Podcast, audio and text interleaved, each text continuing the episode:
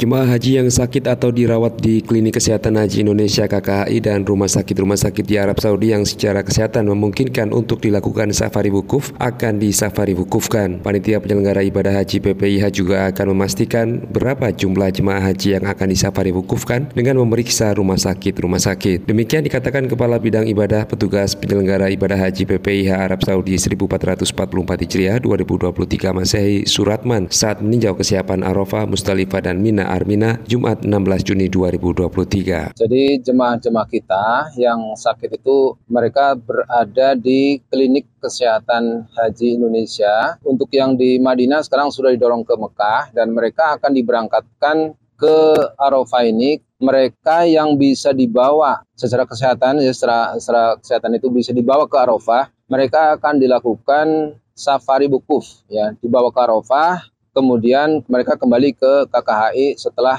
berada di Arafah tadi. Sebelum hari wukuf, kami akan sweeping dari KKHI akan melakukan sweeping ke berbagai rumah sakit tentang kondisi-kondisi jemaah kita yang berada di rumah sakit. Kalau mereka berada dalam kondisi yang bisa dibawa ke Arafah, maka mereka akan di safari wukufkan oleh rumah sakit Arab Saudi.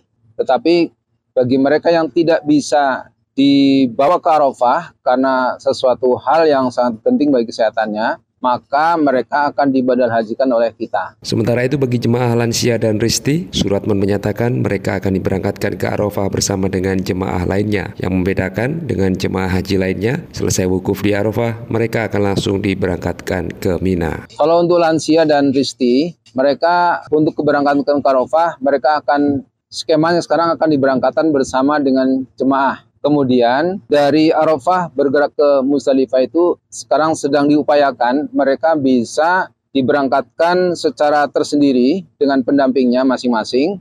Dari Arafah ini langsung menuju ke Mina melalui Musdalifah.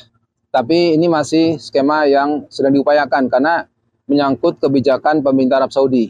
Ya, sehingga tidak mudah walaupun kita punya skema seperti itu tapi tetap kita konsultasikan dengan koordinasikan dengan pemerintah Arab Saudi dalam hal ini adalah muasasa. Sementara itu bagi jemaah yang wafat maka akan dilakukan badal haji oleh petugas badal haji yang telah disiapkan oleh Kementerian Agama. Demikian dari Mekah Arab Saudi, Anton Riandra melaporkan.